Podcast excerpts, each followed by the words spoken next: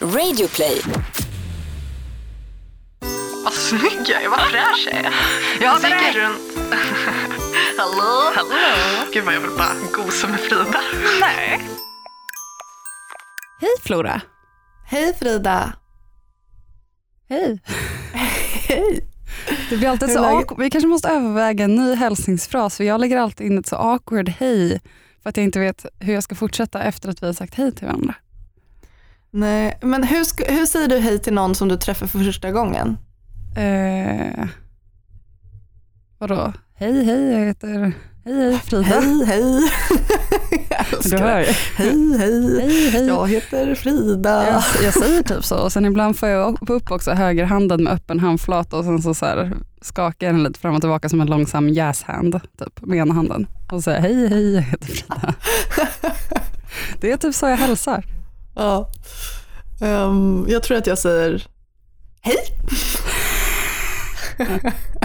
Så himla peppad på vänner. Hej, jag heter Flora. Överpeppad. Alltid överpeppad. Den här veckan är ju vi sponsrade av Läkarmissionen. Mm, det känns så himla bra. Det känns asfint verkligen. Eh, och den här ehm, samarbetet har med eh, mors dag att göra för att i slutet av maj är det ju mors dag. Eh, och om man har en, en mamma eller en modersfigur eller typ en mamma i sin närhet tänker jag. Mm. Eh, så kan man skicka en morsdagspresent via sms. Mm. Det finns alltså en organisation som heter Läkarmissionen. Eh, och de har i många år hjälpt fattiga kvinnor i länder där det inte är självklart att föda barn på sjukhus, utan där man oftast föder i sitt väldigt, väldigt enkla hem eller på en väldigt enkel vårdcentral. Det här är ju väldigt viktigt för varje år dör hundratusentals kvinnor av sin graviditet eller sin förlossning. Eh, och en miljon nyfödda bebisar dör för att de inte får rätt vård och omsorg. Alltså det är så himla Eh. sorgligt. Alltså det är så fruktansvärt och det sker trots att nästan all mödradödlighet går att förhindra. Mm. Jag blir så himla ledsen nej, av det. Men det fina är att man kan göra någonting ganska konkret och det är att man kan köpa en förlossning som går direkt till en fattig mamma i Kongo eh, och det kostar bara 150 kronor. Det är en morsdagspresent som kan rädda två liv, både en mamma och en bebis. Och du får ett svar med en fin morsdagbild till din telefon som du sen kan skicka vidare till din mamma som ett litet mm, presentkort. Det du gör är att du smsar FF, alltså Flora Frida, FF mors dag till 72972. 72972. Då får du ett sms med en länk som du sen kan då skicka vidare till den personen som du vill ge den här presenten till. Eh, och du kan också gå in på läkarmissionen.se morsdag. Ja. Gör det här. Det är en så jävla fin grej. Jag kommer definitivt göra det. Så en gång till nu. 72972. 72972. Yeah. Eh, en snabb sak är att innan vi spelade in det här poddavsnittet så eh, gick jag ut till närbutiken på min gata i shorts och tofflor och en liten tjocktröja och handlade fr- färsk frukt och kaffe. Och jag kände mig som den härligaste personen i universum. Alltså, jag fylldes av en sån härlig känsla och att jag också så totalt bejakar den känslan nu eftersom jag åker härifrån om två dagar. När den här podden har kommit ut så har jag precis kommit hem. Eh, och det var bara så jävla god, mysig stund när jag bara så här, morgonen har precis börjat, gatorna är nästan tomma och jag går där och dinglar min, mitt kaffe i min påse och bara mm, mm, mm, Åh, vad härligt. mm. Jag är alltså i Lissabon för den som har missat det och har varit där i två månader. Men nu kommer jag hem. Så himla skönt. Jag är så himla Mm. less på den jävla Skype-skiten. Mm, jag med. Så åker man hit och så poddar och stirrar in i en tom vägg, men jag har redan gnällt om det. Varje avsnitt. Och vår eh, producent också som bara, kommer du inte hem snart? Jag har fått det så jävla För att det- struligt. Det laggar typ hela tiden. Men det slipper ju ni tänka på som lyssnar, så det är ju skitbra. Ja. Apropå ni som lyssnar, så har ju vi fått en uh, lyssnarfråga. Den lyder så här. Hur gör man när ens kompis har ett dåligt förhållande men inte inser det själv? Hur stöttar man på bästa sätt? Mm. det jag tänker att man som kompis ska göra är att ställa frågor som får ens polare att tänka till. Att istället för att säga så här, jag tycker så här, så, så frågar man hur känns det? Hur, hur är den här relationen? Vad, eh, vad är bra med den? Vad är dåligt med den? Eller liksom bara vara jävligt, jävligt lyssnande. Mm. Alltså det handlar inte om att man ska ställa sin vän mot väggen utan det handlar om att man på något sätt skapar en miljö där det är så här, eh, saker och ting får landa mjukt. Att Mm. det, det kanske är en nyfikenhet eller det är att man verkligen vill sin väns bästa men att man inte står med armarna i kors utan mer typ så här du kan säga vad du vill till mig och jag kommer inte lägga någon så värderande kommentar utan jag kommer nicka och lyssna. Mm. Och det är någonting som jag tycker så är det absolut viktigaste i en relation där man ska så finnas för varandra. Det är att inte vara för snabb med att lägga in sin egen tolkning. Eh, om, man, om man tar det som exempel, typ så här, om, om du och Andreas skulle göra slut. Mm. Frida, och du skulle komma till mig och bara, ah, jag och Andreas har gjort slut. Då ska inte jag komma där och bara, ja ah, det var ändå for the better. Jag känner så, men du förstår. Typ, jag ska inte komma där och så lägga min, min åsikt, utan då ska jag vara så här, hur känns det? Ja, om jag är då jätteledsen att vi har gjort slut säger vi, då vill ju inte jag känna att du bara har stått där med armarna i kors och bara, ah, men vilken tur att det här hände. Jag är ju ledsen. Jag vill ju att du som vän ska se mig och kanske ge mig en kram och bara, hur känns det här? Det handlar ju inte om att, liksom, att ens kompis då ska vara lite smög för att den kände att den hade rätt att relationen ska skita sig. Jag är typ lite glad och nöjd över det. Det är ett så jävla egoistiskt beteende Ja. som jag tror också är ganska vanligt. Jag tror att folk är ganska snabba med att så här, lägga sin egen tolkning för att de vill så här, positionera sig och vara på rätt sida och känna Jag såg det här komma, exakt. nöjd. Men att det, alltså tolkningen, den som upplever ett, den här starka känslan, tolkningen måste ju få ligga hos den personen. Alltid, alltid, alltid. Så att jag tänker att såvida man inte är riktigt jävla orolig för ens kompis då som, som kanske är ihop med en partner som man inte uppskattar så ska man vara jävligt försiktig med att här, säga vad man själv tycker och fråga vad, vad ens kompis tycker. Helt enkelt. Mm. Alltså verkligen. Eh, jag tror också att det är superbra att ställa frågor och, och, och frågor, det behöver heller inte vara liksom, som du är inne på, någon typ av ja, men en utfrågning så att den här personen känner att bara, men varför frågar min vän ut mig om varje detalj i min relation utan mer kanske ha då som vänskapliga samtal Mm. också. Om det inte är så att personen själv tar upp grejer. Där man berättar lite om sin relation och hur tänker du om din relation och vad är viktigt för dig och bara ha ett sånt fint samtal. För att som du säger att personen ska kunna sätta ord på relationen och tänka själv och så vidare. Och Mm. känna att du är en tillförlitlig vän som verkligen vill hens bästa. Inte så en aggressiv utredare från någon relationsmyndighet som tror sig veta bäst om typ alla relationer. Eh, Vilket jag typ var då när jag ställde min kompis mot väggen och bara, det här var, det här var några år sedan men ändå, jag bara, jag, jag känner mig faktiskt lite orolig här. Ja, först och främst så tror jag att det är oerhört svårt att hjälpa någon som inte, som inte vill ha din hjälp. Mm. Och Det gäller i princip allt och, och även, även relationer. Och Sen tänker jag att alla i grunden vill att sin egen relation ska vara bra. Mm. Alltså ingen drömmer ju om liksom en ohälsosam relation. Så man vill ju bara att allt ska vara bra och så fort någon då säger någonting negativt om ens partner så går väldigt många bara stenhårt i försvar för att själv försäkra sig om att relationen är bra och att den man älskar är värd att liksom investera all den här tiden och, och kärleken i. Ja, det blir ju sån jävla personlig kritik liksom. Verkligen. Jag kan känna det i mina relationer som jag har varit i också, även när de har inte varit bra så har jag liksom märkt hur jag förskönar dem Mm. eh, när någon frågar för att det är så jävla pinsamt också att vara i en relation där allt kanske inte fun- Mm. funkar. Verkligen. Ehm, Alltså relationship goals, alltså det är en ny form av, det är också lite av en så statusmarkör eller liksom någonting att vara stolt eller att man är lyckad om man har en, en lycklig, eller i alla fall till ytan lycklig eh, relation med typ en Mm. snygg person. Mm.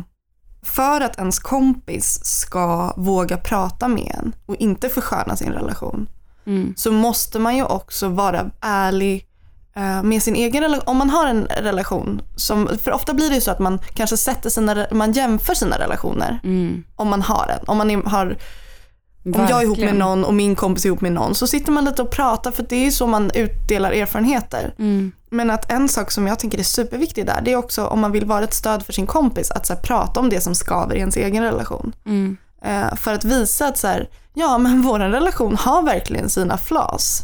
Mm. Eh, och det gör ingenting. Det, eller det, det kan vara stora flas men det kan också vara väldigt små flas. Men det är viktigt att man pratar om dem så att man inte håller på hela tiden och bara, nej men allt är så himla bra. Mm. För sådana erfarenheter har jag också av eh, personer som jag känner som liksom har försökt försköna för att det har varit så himla läskigt att säga så här, nej men vi bråkade igår eller fan jag har, tycker att hen är fett svartsjuk eller vad det nu kan vara. Mm. Men att genom att man visar lite av sitt eget smuts så kommer ju ens polare också våga visa lite av sitt smuts. Jag tänker att för vissa unga tror jag också att lite att det kan handla om att man kanske inte riktigt vet vad som är, eller man känner sig lite osäker på vad som är acceptabelt eller inte i ett förhållande. Mm. Eh, om man inte haft så många förhållanden innan eller inte har, ja, eller kan man kanske haft flera ändå, det är fan svårt att veta anyways. Så här, vad är det okej att hen säger till mig eller gör mot mig och, och när är det okej för mig att kräva mer av min partner? Är jag så orimlig nu eller är det här helt rimliga krav på en så kärleksfull och respekterande relation? Mm. Eh, det kan vara jättesvårt att, att, att veta vart de, eh, de gränserna går. Liksom. Och de gränserna kan ju också förskjutas lite hela tiden. Ja. Jag tänker att en viktig, eller en så här mm, jämförelsegrej som man kan ha är ju så här, hade det här varit okej om vi var kompisar? Om vi hade Mm. haft en vänskapsrelation. Mm. Vad ställer jag för krav på en vänskapsrelation? Hur vill jag må i en vänskapsrelation? Mm. Om man då känner att det är väldigt annorlunda mot sin kärleksrelation så kan det vara någonting som, som är fel och då kan man kanske jämföra det och säga, jaha men så här ska det inte vara. Mm. Och ehm, det är en ganska, ganska vanlig grej att man ställer mer krav på sina vänner. Eh, Hur, hur det ska kännas i olika sammanhang, sociala sammanhang eller ehm, som sagt en, en ohälsosam relation kan ju vara jättemycket men om man tar ett så ganska lågt exempel eller så milt exempel Mm. så kan ju det vara så här, ja men min kärlekspartner, när vi träffar vänner och släkt så bjuder inte hen till överhuvudtaget. Mm. Och det kan ju vara någonting som man blir väldigt ledsen av som kan bli en stor grej för att man är så här, men hallå, det här känns inte, det känns inte som att du anstränger dig. Mm. Ehm, men om, om det hade varit en kompis så hade man kanske varit så här, ja men nu ska du mingla. Typ. Mm. Men det kanske var ett väldigt banalt exempel. Men Nej att men jag fattar. jag, jag tycker så här kompis, jämförelsen med en kompis kan funka. Mm. Och Sen är det säkert väldigt olika från person till person. Alltså jag begär väldigt mycket Mhm. av de jag är i relation med. Mm. Alltså jag, Typ vadå? men jag är extremt hög, eh, vad säger man, high maintenance. kan, du, kan du exemplifiera? Nej men jag vill ju ha otroligt mycket eh, uppmärksamhet, bekräftelse. Alltså, jag vill kunna vara med den här personen mycket. Jag vet inte, alltså jag, bara, jag tar, jag vet, jag tar mycket. Men, tror du inte du ger jävligt mycket? Jo, jag skulle komma in på det. Yes. Jag, jag tror att jag på mina relationer, jag, jag kräver väldigt mycket av min partner och min ehm, relation. Men det är Mm. också för att jag vill investera väldigt mycket i min partner och min relation. Mm. Jag vill liksom kunna ge så mycket typ kärlek jag har, eller vad man ska säga, utan att Mm. någon gång känna att jag öser i för mycket. Och då för Mm. att det ska bli balanserat så vill jag också känna att min partner är engagerad. Eller vad man Mm. ska säga. Det får mig direkt att tänka på så här, att ge kärlek. Då tänker jag direkt på någonting som jag verkligen så här, fick, fick lära mig i terapin förra året. Åh, berätta. Ehm, att jag, jag kan ha varit inne på det tidigare i podden, men att jag har varit en person som har överkompenserat ganska mycket med kärlek. Mm.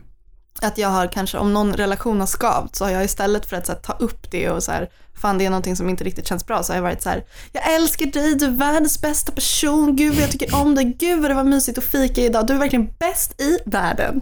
Ja, men så, är- och liksom- så gör man ju. Ja, istället för att så här, ja, gå tillbaka till grundproblemet och bara vänta det är någonting som kanske inte känns helt rätt här. Mm. Och då så, så um, fick jag ju den här eh, härliga sloganen som jag typ har haft med mig i ett år nu men som är så här, var sann dig själv. Um, så då, har jag, mm. då bestämde jag mig den våren för att inte överkompensera med kärlek utan att så här, alla alla sms och gulliga saker jag säger och gör är liksom genuina. Mm. Och det har varit så förlösande. Alltså det har varit så jävla skönt. Det betyder egentligen inte att jag skickar mindre kärleksfulla sms. Men bara det att när jag gör det så känns de, de kommer liksom från en äkta källa. Uh, så när jag fick ett hjärta på sms igår, då var det så jävla directly from your heart. Gud ja. Alltså när vi smsade igår så kände jag verkligen så gud vad jag vill bara gosa med Frida. Nej. Det var det det hjärtat betydde. Åh. Skrutt. Ja, men alltså, för att sammanfatta så är väl det helt enkelt så här att det viktigaste är hur eh, ens vän mår i sitt förhållande och inte hur man själv mår över att personen är i det förhållandet. Alltså, det är viktigt att visa sitt stöd, inte för att boosta sitt ego utan för att boosta sin bästa vän eller sin vän. Ja, alltså om det är att typ ens kompis nya partner bara är hemma och spelar Xbox hela tiden och ens kompis därför också bara är hemma och typ spelar Xbox med sin nya partner. Det suger ju. Och det kanske inte är så här jättehälsosamt förhållande att de bara, bara är med varandra inne hela tiden och spelar Xbox. Men eh, om den personen vill göra det så kan man ju också ha något år i sitt liv där någon spelar Xbox. Verkligen. Ge era vänner lite utrymme att vara kära och dumma i huvudet. Ja. Jag har ju då skrivit en bok. Nej. Nej men den här veckan eh, är vi sponsrade av Bokus. Snygg segway Flora. Eller hur? Vi har Bokus som ny samarbetspartner och det känns askul. Jag köper väldigt mycket böcker, online, eh, vilket ju på ett sätt gör mig lite ledsen ibland för att jag bara, man ska promota bokhandlar men jag, jag är lat, jag gillar att nätshoppa. Så jag gillar, jag gillar Bokus. Nu har ju Bokus eh, dragit igång en kampanj som heter Det finns alltid en bok. Så att om man följer Bokus, om man går in på Bokus på Twitter, så ser man då i dens flöde, då blir det en hashtag som är den hashtaggen som trendar på Twitter. Och det är här exempelvis igår Frankrike, ganska rimligt på grund av valet. Eh, och då tar den, plockar den upp den hashtaggen, Frankrike, och så rekommenderar den en bok på det ämnet. Och då här, har den re rekommenderat Slaget om Frankrike. Jag älskar den så väldigt breda hashtaggen Frankrike. Ja, ja, ja. Eh, men, men det är ett bra exempel. Och då handlar den boken om att Frankrike befinner sig i ekonomisk kris och att den populism som sprider sig över halva Europa får allt starkare fäste. Bla, bla, bla, bla. Så då kan man alltså se, typ, okej okay, det här pratar folk om nu på Twitter. Eh, hur ska jag kunna få lite bredare eh, överblick över vad det handlar om? Och så rekommenderar den böcker som kan ge en lite bättre perspektiv. Hur ska jag kunna glänsa på nästa middag? Ja. Ja, men så eh, följ Bokus på Twitter och i andra sociala medier för att eh, ta del av det här. Gör det. Apropå att jag har skrivit en bok. Nej. Eh, joho. Eh, Stanna då, som kom ut för åtta månader sedan. Mm. Um, det, det, är alltså åtta månader och jag tycker att åtta månader är en ganska rimlig tid för någon att läsa en bok på. Ja, de flesta Även om man skulle ändå har... hinna läsa ut en bok på åtta månader. Ja. Eh, min pappa har två småbarn. Det tycker han är en rimlig uh, ursäkt till att inte läsa min bok.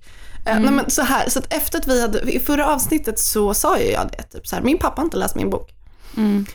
Um, och efter det avsnittet så gick jag och tänkte på det och bara så här, fan jag är så jävla ledsen på den här grejen. Jag är verkligen ja, alltså, besviken och ledsen. Vad skulle du säga? det så stor grej, men eh, alltså att pappa inte har läst din bok, det är ju liksom, pappa kom inte på fotbollsmatchen när du skulle vara målis level 1000. Mm, exakt. Alltså... Och jag har gått runt och tänkt så här, men han gör väl det snart och fasen, mamma var så på bokmässan och var på min release och jag vill inte så sätta förälder mot förälder. Men det är väldigt svårt att inte göra det. Men nu gör jag det ändå, och mamma är bäst. Nej men jag, jag, jag tänkte så här, jag började så skriva ett sms till honom först. Och så mm. tänkte jag på det du sa, så här, ja men vänta i en timme. Mm. Skicka inte sms i affekt. jag hatar dig! Runt, Så gick jag runt och bara, okej okay, men nu väntar jag. Och sen kände jag så här, nej jag ska inte skicka ett sms för det kommer bara bli dumt, så nu ringer jag honom. Mm. För det här är faktiskt någonting som gör mig ledsen på allvar och jag ska ta mig själv på allvar. Mm. Och så ringde jag honom och jag hade liksom en klump i halsen som om jag hade målbrott, eller var i målbrottet. Jag grät kanske egentligen inte, men jag pratade typ så här. När det så blir så svajigt, man måste balansera. Åh. Ja men exakt.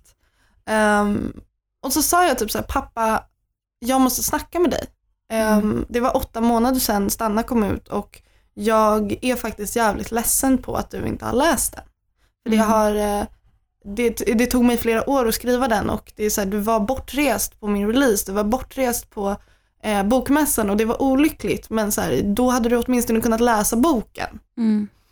Um, och så var jag också jättesnabb med typ så här, obs, jag tycker inte att du är en dålig pappa, jag, tycker, jag älskar dig, jag tycker du är toppen, men jag känner ändå att jag vill säga det här till dig för att om jag inte säger det nu så kommer det här liksom omvandlas till irritation och pikar, så jag kommer bli så otrevlig i din närhet istället för att typ gråta ut om det här nu. Mm. Det var så läskigt, men det var också så himla fint och skönt och jag kände mig så här sann mig själv. Oh, vad modig jag kände, mig, eh, jag kände mig jättemodig. Förstod han eller kände du att så här, ja, du har en väldigt tyst. ödmjuk approach av dig? Eller så här, väldigt tydligt, typ, jag tycker jättemycket om dig men det här har gjort mig ledsen och jag skulle vilja prata om det. Och det är en fett rimlig grej också som har gjort dig ledsen. Ja. Ja, alltså han, han var ganska tyst och, och, och sen sa han typ så här, ja men Flora, anledningen till att jag inte har läst den är för att jag har inte läst på flera år och jag, eh, när jag läser så somnar jag typ. Och det är inget mot dig men, men jag har, och då har det blivit så att jag vill läsa din bok när jag har tid och koncentrationsmöjligheter. Och då har det bara blivit som att jag skjutit upp det för att man vill inte dricka en, en, en flaska lyxigt vin i garderoben. Ja, typ. Typiskt pappa eh, skämt. Um, Dyr referens. Och då så sa jag typ så här, ja ah, fast min bok, folk som läser den, många som har dyslexi och så här lässvårigheter och sånt säger att den är fett bra att läsa för att den är väldigt så här luftig och lättläst. Mm. Eh, och den tar typ åtta timmar max att läsa för den är så luftig. Mm. Jag bara, du kan läsa en sida om dagen, men då, då skulle du vara klar liksom, väldigt snabbt. Mm. Um, och då, um, eller det skulle, det tar bort den en sida om dagen. ja, exakt. Du kan läsa tio sidor om dagen så har du läst ut den på en och en halv månad. Mm. Um, och jag bara kände, och sen så, så han bad verkligen om ursäkt och sa så här, om jag ska börja med det nu. Och då kom vi i alla fall in på att så här, nu är vi vuxna människor, jag och pappa. Mm. Uh, han är väldigt mycket äldre men han oavsett så, så vägrar jag känna att så här, vår relation stagnerar här. När jag är 23 och han är 57. Mm. För att vi kommer leva förhoppningsvis många år tillsammans framöver och då vill inte jag att det ska ligga massa så underliggande irritation och besvikelse. Jag vet inte om du kommer ihåg det Frida, men när vi pratade om vid nyårsskiftet så hade jag som ett mål att jag skulle sluta vara besviken. Ja. Det kommer jag verkligen ihåg att du pratade om. Mm. För att besvikelse är en känsla som är väldigt självdestruktiv för att den, den går bara ut över en själv. För att ingen annan kanske vet att man är besviken. Och då har jag bestämt mig för att liksom agera på det istället. Så då känner jag så här, nu är jag besviken på pappa. Istället för att gå runt och vara ledsen för det här så säger jag det till honom. Mm. Jag tror att det är så bra. Jag tror det också. Det var, det var ett så jävla viktigt och bra samtal som sen utvecklades till att vi började prata om att så här, ja men vi ska kunna konfrontera varandra, vi får lita på, återigen som vi var inne på tidigare i podden, men så här, att saker och ting ska landa mjukt, att man lyssnar på varandra. Mm. Och jag fick också möjlighet att säga till honom att så här, pappa, jag, för mig är det viktigt att du ställer frågor istället för att lägga tolkningen i min mun. Mm. Typ, häromdagen så ringde jag honom när jag var jätte hade jättemycket hemlängtan och han började så här, ja det är så himla jobbigt när man är ensam i en storstad och la la la och så lägga sin egen mm. grej på det för att visa att han känner igen sig. Mm. Men jag hade behövt frågan så här, okej okay, men hur mår du? Vad ska du göra för det här? För att det ska mm. kännas bättre. Gud, jag behöver verkligen också höra det här för jag har också jättelätt för att om jag pratar med en kompis eller någon jag bryr mig om och sen berättar den om någonting den är ledsen för, då är man så himla jag tror också att jag alldeles för snabbt kan gå till att jag le börjar leta i huvudet efter en, en relation eller en situation jag själv kan relatera till. Eller känna igen mig i den den berättar. Eh, och man försöker använda sig av det och berätta om det och försöker typ klämma ur sig något gott råd. Eh, och, och, det, och Det gör jag i all välmening. Jag vill liksom hjälpa min kompis så gott det går och tänker typ så här, mm, om jag har den här personliga erfarenheten kanske den kan applicera det på bla bla bla. Men oavsett om, om det handlar om känslor, eller så här, det är inte att man kan lära någon känslor att den ska må bättre enbart av här, sina egna erfarenheter, utan det är oftast tusen gånger bättre att bara lyssna in den andra. Eh, och jag vet ju det och jag hör dig och jag håller verkligen med om dig. Eller jag håller verkligen med dig allt du eh, säger nu och känner verkligen att det här är någonting jag, eh, jag själv måste jobba på. Mm. Och det är ju klart att man, man säger de här sakerna i all välmening. Men jag tror att man ska vänta med att komma med sina egna anekdoter till mm. den andra personen har fått säga sin, sin sida av det. För att oavsett om du är med om ett uppbrott och jag är med om ett uppbrott så, så in, har, har inte min erfarenhet av det uppbrottet varit likadant som ditt. Mm. Så det spelar liksom ingen roll vad jag säger i, i början. Du måste få prata klart först. Mm.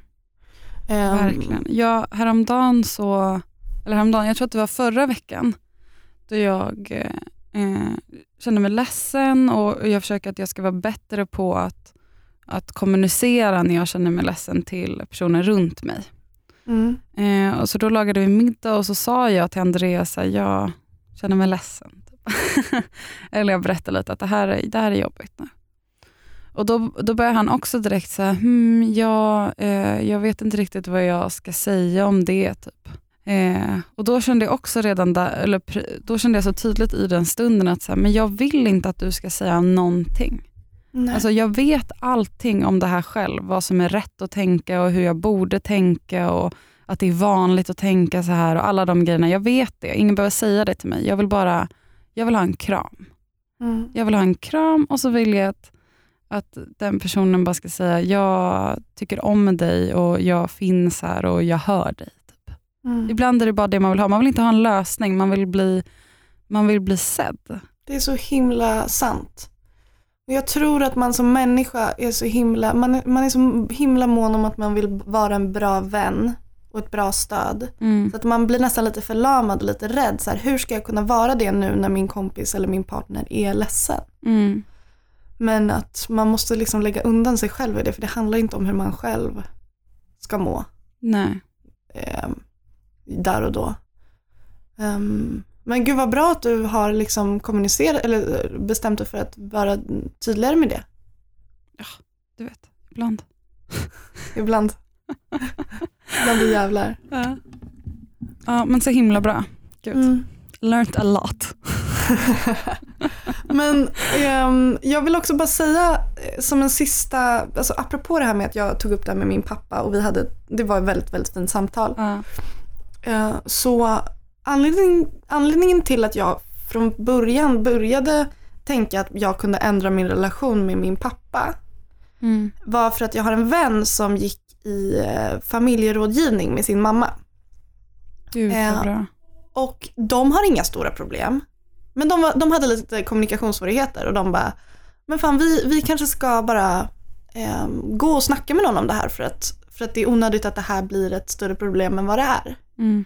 Så det var då jag insåg att det finns parterapi som inte bara har med så här, kärleksrelationer att göra utan det kan även vara med så här, familjen eller vänner. Gud, det låter så himla um, bra. Ja, Alltså jag tycker också det för att man, alltså en relation behöver ju inte vara kaos för att den ska vara värd att ta i. Har du och din pappa funderat på att göra det här? Mm, det har vi. Och jag, när jag föreslog det för honom så blev han jätterörd. För jag sa också så här, det här vill jag göra för att bädda för vår framtid tillsammans. Gud, du är så himla check och härlig. Jag är verkligen check när det kommer till sådana här. Jag, men det är alltså, så himla bra. Um, ja men du, nu, nu liksom trycker man på alla punkter som jag har tänkt på det senaste året. Det känns året, som att du har en vis här... och gammal själ. Ja, jag, är, jag, är lite vis inom just det här väldigt, väldigt smala området för något uh. jag har så lagt tanke på. Uh. Men, men då i alla fall så eh, tyckte han att det var en bra idé. Så nu har inte vi gjort det än. Jag vet inte om vi kommer göra det för, nu känner jag att nu är vi fett bra på att försöka kommunicera ändå. Mm. Men när jag pratade med min terapeut om det här så sa hon att, att Stockholms stad erbjuder, eh, alltså de subventionerar familjerådgivning. Eh, Mhm. Så att om man är från Stockholm och vill prata med någon i sin familj så kan man få billigare och det är fortfarande dyrt men det är ändå så här, det är 450 spänn för 90 minuter. För 90 minuter? Mm. Och eh, det kan ju kosta fyr, eh, 900 spänn för 45 minuter så det är, Ja, verkligen. Det är och om man typ är, om man är flera som Stockholms delar på det också. taxa, liksom. Ja. Så det kan vara, och, det är bara att man googlar familjerådgivning Stockholms stad så kan man komma fram till den sidan.